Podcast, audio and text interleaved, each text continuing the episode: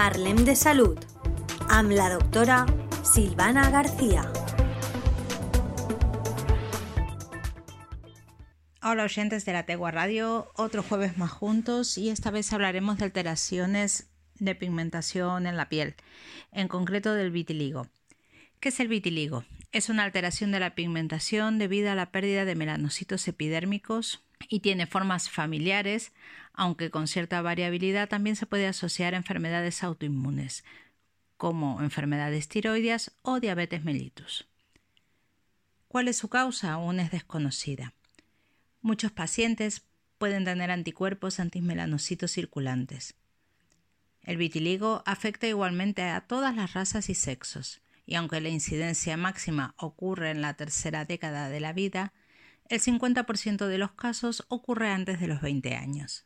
¿Y cuál es la clínica? Las lesiones son claramente blancas, con bordes bien marcados y no provocan molestias subjetivas. Las placas pueden variar de un tamaño de 2 a 3 milímetros hasta cubrir amplias zonas del cuerpo.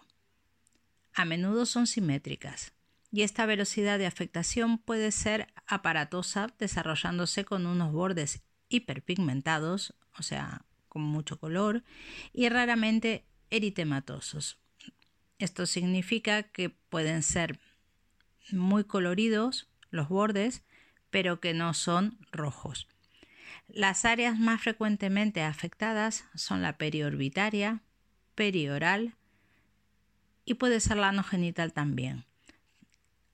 Asimismo, los codos, las rodillas, las axilas, los pliegues inguinales y los antebrazos.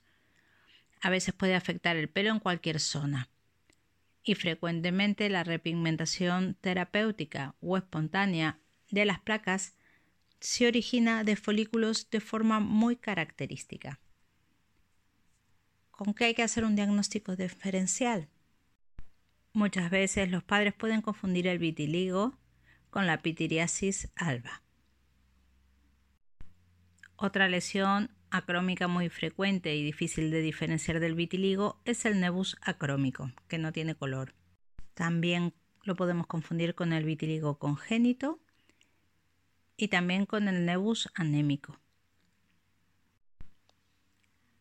Hay que hacer diagnóstico diferencial siempre con una esclerosis tuberosa cuando tengamos una mancha acrómica, o sea, sin color, de forma oval o lanceolada en, en hoja, ya que es la primera manifestación de esta enfermedad, presentándose de forma congénita sobre la raíz de los miembros y tronco en número variable. ¿Y qué tratamiento existe para estas enfermedades? Para esta enfermedad, digamos. La primera consideración a tener en cuenta es que los enfermos con vitiligo deben protegerse de las radiaciones solares para evitar quemaduras. El tratamiento que más se utiliza son los PUBA, que se les denomina psoralenos, radiaciones ultravioletas. Los resultados suelen ser muy buenos y se repigmentan hasta un 70%. Este tratamiento se utiliza más en adultos, en niños por, la dificultad de mantenerlos sentaditos tranquilos y la toxicidad hepática que pueden tener los psoralenos, se utilizan más tratamientos con corticoides de alta potencia.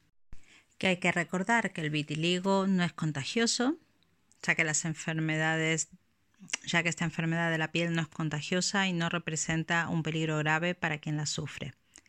Aunque a veces es mucha causa es causa común de estrés, puede provocar ansiedad y depresión según la localización en que uno tenga la placa despigmentada.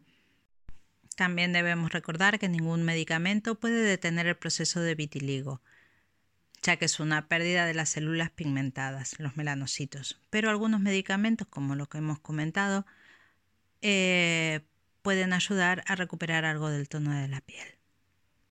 Bueno, espero que les haya gustado. Gracias por estar y compartir. Los saluda Silvana. Hasta el próximo jueves.